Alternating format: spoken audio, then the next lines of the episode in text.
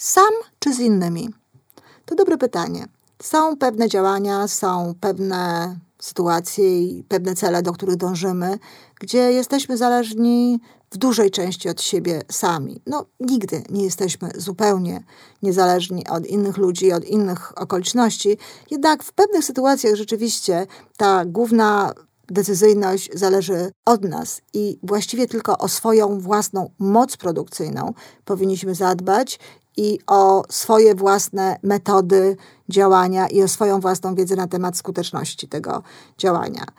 Jednakże są też takie zadania, są też takie cele, gdzie, żeby je osiągnąć, żeby je zrealizować, potrzebujemy bezwzględnie innych ludzi. W ogóle żyjemy w świecie współzależnym. To jest pewnego rodzaju fakt. My wszyscy jesteśmy ze sobą połączeni i dobrze byłoby wiedzieć, że swoimi działaniami, swoimi zachowaniami, nawet nie zdając sobie czasami sprawy, mamy wpływ na to, co w ogóle dzieje się na świecie. Nawet same słowa, same myśli powodują pewnego rodzaju energię, która też jest wkładem w ogólną pulę energii. Może być wkładem pozytywnym, a może być wkładem negatywnym. Jako ludzie działając, współdziałając, mamy już wybór, czy chcemy współdziałać, czy chcemy się dołożyć do pewnego wspólnego projektu, czy nie. Współzależność jest faktem, tu się nie dyskutuje. Współdziałanie jest wyborem. I tu jest pierwszy związany ze skutecznością wybór, pierwsze związane ze skutecznością wyzwanie. Nawet jeśli my chcemy współdziałać z innymi ludźmi, to pozostaje pytanie, czy oni chcą współdziałać z nami. Tu już zaczyna się myślenie w kategoriach skuteczności, w kategoriach kury, co mamy zrobić, w jaki sposób mamy działać, żeby rzeczywiście spowodować chęć tych ludzi do współdziałania. Zawsze bowiem są pewnego rodzaju projekty, wspólne projekty. Zarządzamy tymi projektami, zarządzamy firmami, kierujemy ludźmi albo ludzie kierują nami, jesteśmy kierowani i uczestniczymy w procesach i projektach zarządzanych przez inne osoby no, samo zarządzanie tak naprawdę to jest w dużej mierze szereg różnego rodzaju projektów oparty o współdziałanie, gdzie bardzo często powierza się odpowiedzialność innym ludziom. Potrzebne jest tutaj nie tylko zaufanie, nie tylko umiejętność oddawania spraw innym ludziom, ale również umiejętność pobudzania tych osób do takich działań, które w konsekwencji doprowadzą nas właśnie do tych wspólnych celów. Jeśli współpracujemy z innymi ludźmi, to bardzo często istotne jest, abyśmy również martwili się, czy dbali, czy troszczyli się, jeśli chcemy używać słownictwa bardziej pozytywnego, o koszty tych ludzi. Kiedy pracuję sama, kiedy angażuję się sama w pewne projekty, koszty są tylko po mojej stronie, myślę tylko o sobie i tylko to mnie interesuje. Natomiast jeżeli myślę, jeżeli pracuję z innymi ludźmi, muszę również myśleć o ich kosztach, o to, ile kosztuje ich takie czy inne działanie. Zwłaszcza jeśli jestem szefem, zwłaszcza jeśli jestem liderem. Odpowiedzialna jestem również za ten rodzaj myślenia. Tym zresztą się charakteryzują dobrzy liderzy, że właśnie potrafią myśleć o innych ludziach tak, żeby nie przeciążać ich, żeby brać pod uwagę to, że na skuteczność składa się również osobisty koszt każdego pracownika, każdej zaangażowanej w ten projekt osoby. Nie jest dobrym szefem ktoś, kto eksploatuje swoich pracowników do granic możliwości nie jest też tak naprawdę, o czym mówiliśmy wcześniej, osobą skuteczną. Bardzo ważny w skutecznym działaniu jest również czas w związku z tym, który jesteśmy gotowi poświęcić ludziom, z którymi mamy współpracować wcześniej na naukę o tym, czym jest tak naprawdę skuteczne działanie, na dostarczenie im treningu, szkolenia, do tego, żeby mieli odpowiednią siłę, żeby mieli odpowiednią moc produkcyjną w wymiarze umiejętności, żeby mogli robić te wszystkie zadania, te wszystkie działania, których od nich oczekujemy. Ale również czas potrzebny na to, żeby nauczyć ludzi odpowiedzialności, żeby rzeczywiście w spokojny sposób powierzać im tę odpowiedzialność, żeby przygotować ich do tego, żeby byli w stanie taką odpowiedzialność przyjąć. Muszę powiedzieć, że kiedy obserwuję działania w firmach albo kiedy patrzę, w jaki sposób uczymy naszych młodych ludzi w szkole, mam wrażenie, że akurat w tym wymiarze jest najwięcej wszelkiego rodzaju niedociągnięć. Zarówno w firmach, jak i w szkołach nie kładzie się odpowiedniego nacisku i nie daje się odpowiedniego czasu na to, aby nauczyć ludzi odpowiedzialności i gotowości do przejmowania odpowiedzialności za wykonywanie pewnych rzeczy. Ken Blanchard bardzo często porównuje zadania, z jakimi ma do czynienia menedżer w firmie, czy osoba, która zarządza jakimś innym projektem, jakimś innym przedsięwzięciem, czy osoba, która kieruje ludźmi, porównuje je do małp. Mówi, wiesz, to są takie twoje małpy, masz je po prostu na ramionach. Małpa taka, małpa odpowiadająca za inne rzeczy. I tak naprawdę zarządzanie polega na tym, żeby się tymi małpami podzielić. I to jest prawda. Z tym, że podzielić się z nimi, tymi małpami w taki sposób, że kiedy ktoś ją ode mnie przyjmuje, mogę być spokojna, że to już nie jest moja małpa, że zatroszczy się o nią właściwie od początku do końca. I właśnie dlatego tak ważną sprawą jest to, żeby wcześniej w odpowiedni sposób do tego ludzi przygotowywać. Obserwuję, że młodzi ludzie, którzy przychodzą ze szkół, którzy zaczynają pracę, zupełnie nie są przygotowani do przejmowania odpowiedzialności. Przyzwyczajeni są raczej do tego, że trzeba im przypominać o pewnych rzeczach, że trzeba od nich egzekwować określone zadania, y, że chcą czuć nad sobą nadzór, że chcą wiedzieć, że jest ktoś, kto czuwa nad kolejnością, czy nad tym, żeby na pewno pewnego rodzaju zadania zostały wykonane. No, tak zostali wychowani. Tak zostali wychowani przez rodziców, przez szkołę i teraz firma stoi dopiero wobec wyzwania, żeby z tych przyzwyczajonych do kontroli, do sterowania, do pokazywania, co mają robić ludzi, stworzyć ludzi, którzy zechcą sami, samodzielnie odpowiadać za swoje projekty, za swoje zadania, za swoje życie. I tutaj nie sposób jest mówić o prowadzeniu tego w firmie, o staraniach, które mogą doprowadzić do, takie, do tego, że jak najwięcej ludzi będzie umiało właśnie w taki sposób funkcjonować, bez mówienia o liderze, bez powiedzenia właśnie o człowieku, który miałby być sprawcą takich zmian w ludziach, który miałby być osobą spowodującą, że zrozumieją, na czym polega skuteczność działania, na czym polegają zasady, podstawowe zasady współdziałania w zespole i na czym polega właśnie ta odpowiedzialność. Mało tego, to od takiego lidera właśnie zależy i on jest tutaj w bardzo dużym stopniu odpowiedzialny za to, żeby dostarczyć tym ludziom siły, żeby dostarczyć tym ludziom mocy do tego, żeby faktycznie chcieli w taki sposób funkcjonować, no i oczywiście spowodować, żeby chcieli. Chciałabym, żebyśmy odróżniali słowo lider i to, co się kryje za liderem, od takich słów jak przywódca, na przykład, i menedżer. To są słowa, które wcale nie są tożsame. Ja często spotykam w literaturze fachowej albo w wypowiedziach różnych osób stosowanie zamiennie tych słów. Na przykład słyszę lider, przywódca, menedżer, e, kierownik, tak jakby to i ciągle mówimy o tej samej osobie, a ja z doświadczenia wiem, że na przykład liderem tej osoby nazwać nie można.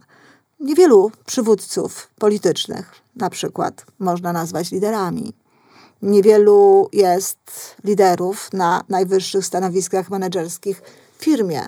Lider to jest przywódca pozytywny. To jest przywódca, który prowadzi innych ludzi, ale prowadzi ich właśnie w sposób pozytywny. Stosuje się do trzech podstawowych funkcji, jakie lider rzeczywiście w grupie pełni i każdą z tych funkcji wypełnia w sposób właściwy. Kim jest lider? Lider to osoba, która w określonej grupie społecznej, biznesowej czy rodzinnej stymuluje proces budowania i osiągania celów, wyzwalając w sobie i innych entuzjazm oraz najlepsze cechy charakteru. To jest lider. Lider stymuluje proces budowania i osiągania celów, czyli jak gdyby, owszem, nadzoruje ten proces skutecznego działania. Prowadzi cały ten proces tak, aby rzeczywiście był skuteczny, jednakże proszę zauważyć, on nie wyznacza celów, on nie wyznacza sposobów, metod działania, on stymuluje ten proces, czyli jest pewnego rodzaju katalizatorem. Pozwala na to, więcej, stawia na to, że ludzie będą mieli swój udział w budowaniu tych celów, że ludzie będą dołączać swoje metody, nierzadko lepsze niż te, które on zna, do tego, ażeby osiągać określony cel. Tylko w taki sposób można rzeczywiście wykorzystać właściwie potencjał ludzki. Tylko w taki sposób można tak naprawdę właściwie zarządzać firmą. Kto powiedział, że lider jest osobą, która wszystko wie najlepiej? To, że ktoś znajduje się na pozycji przywódcy, wcale nie znaczy, że ma mieć wiedzę na temat absolutnie każdej dziedziny i że w zakresie wszystkich kompetencji będzie lepszy niż jego ludzie. Chyba nie ma takich ludzi, żeby byli lepsi niż wszyscy. Tego typu rzeczy mogą się sprawdzać tylko w sporcie. Tam, gdzie rzeczywiście mamy do czynienia e, z jednym zjawiskiem i z bardzo wymiernymi kryteriami. Wielu liderów w życiu spotkałam, sama uważam się za lidera, natomiast wiem o tym doskonale, że moja siła jest tak duża, jaką potrafię wyzwolić wśród ludzi, z którymi współpracuję i w jaki sposób potrafię skorzystać również z siły z tego, co oni mają. Właściwe prowadzenie ludzi powoduje, że w grupie, zwanej już wtedy zespołem, powstaje synergia, czyli efekt tej pracy jest zdecydowanie większy niż suma poszczególnych wkładów. Tworzymy coś nowego, coś lepszego. A żeby można tak było zrobić, lider musi jedynie stymulować ten proces budowania i osiągania celów.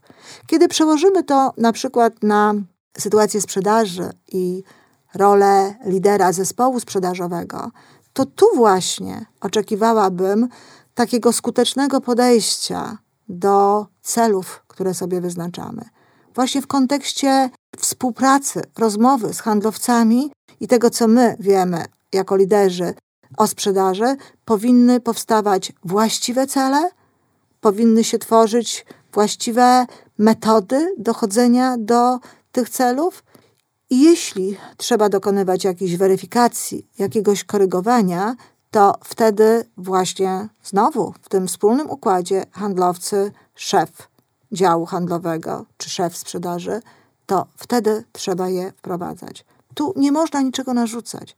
Właśnie z racji tego, że te cele bardzo często są narzucane i nierzadko brane na zasadzie tak było rok temu, czy tak było dwa lata temu, więc teraz musimy mieć wzrost o 15 czy 20% i niczym tak naprawdę nie jest to uzasadnione, niczym to nie jest spowodowane ani żadnymi realiami zewnętrznymi, ani żadnymi innymi przesłankami. Od tak.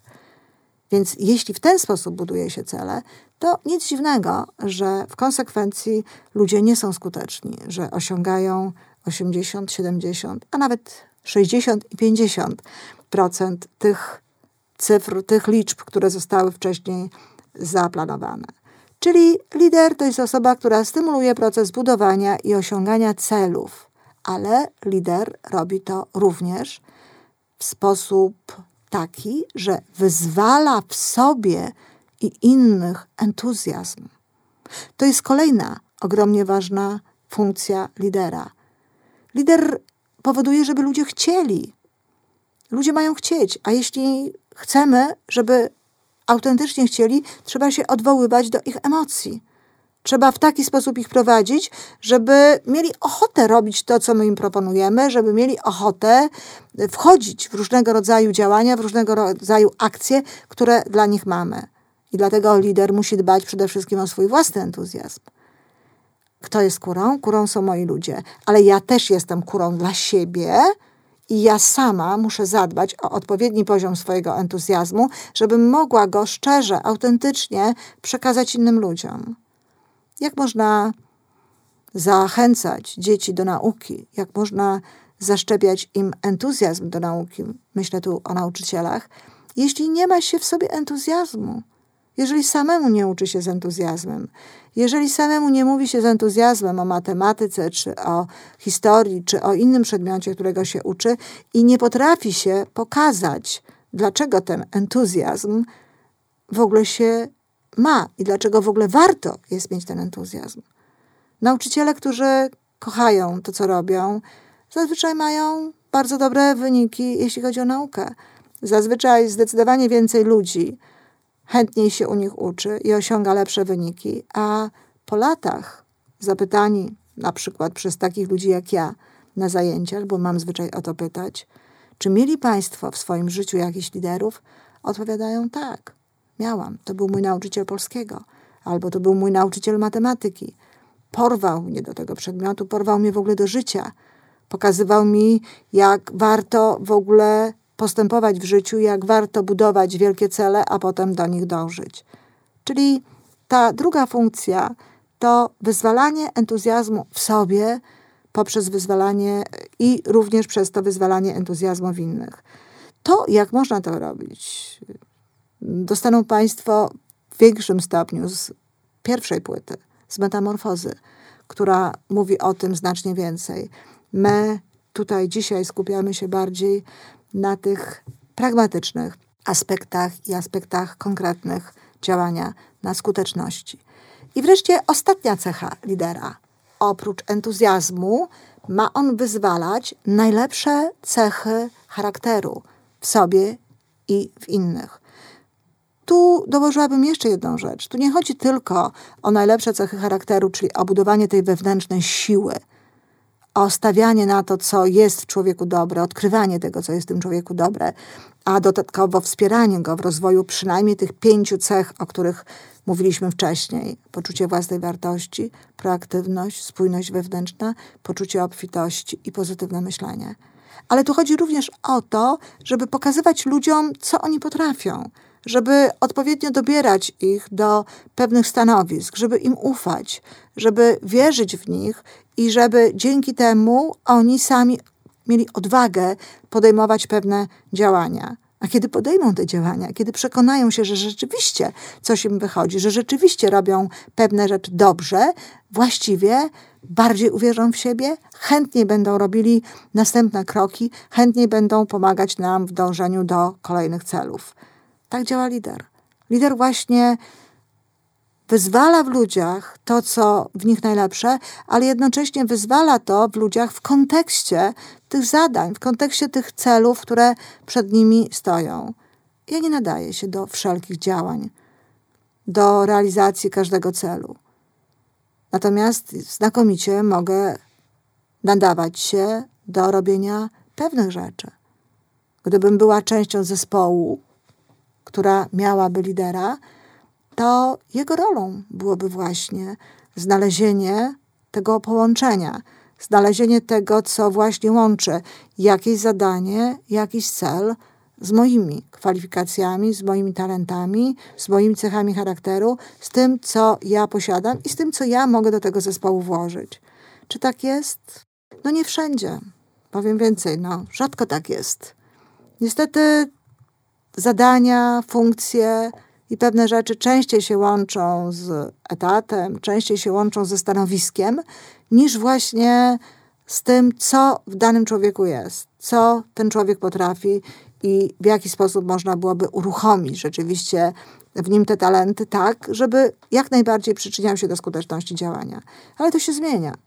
Znam firmy, jest ich coraz więcej, które w taki sposób szkolą swoich liderów i w taki sposób stawiają na doskonalenie zawodowe, żeby rzeczywiście ludzie myśleli o szukaniu takich połączeń i żeby liderzy rzeczywiście zdawali sobie sprawę, w jakim stopniu są odpowiedzialni za skuteczność swojego zespołu i co jako osoby kierujące tymi ludźmi mogą zrobić, żeby każdy z tych członków zespołu nie tylko rozumiał współzależność, ale również chciał i mógł w ramach współdziałania przyczynić się do tej skuteczności w najlepszy sposób.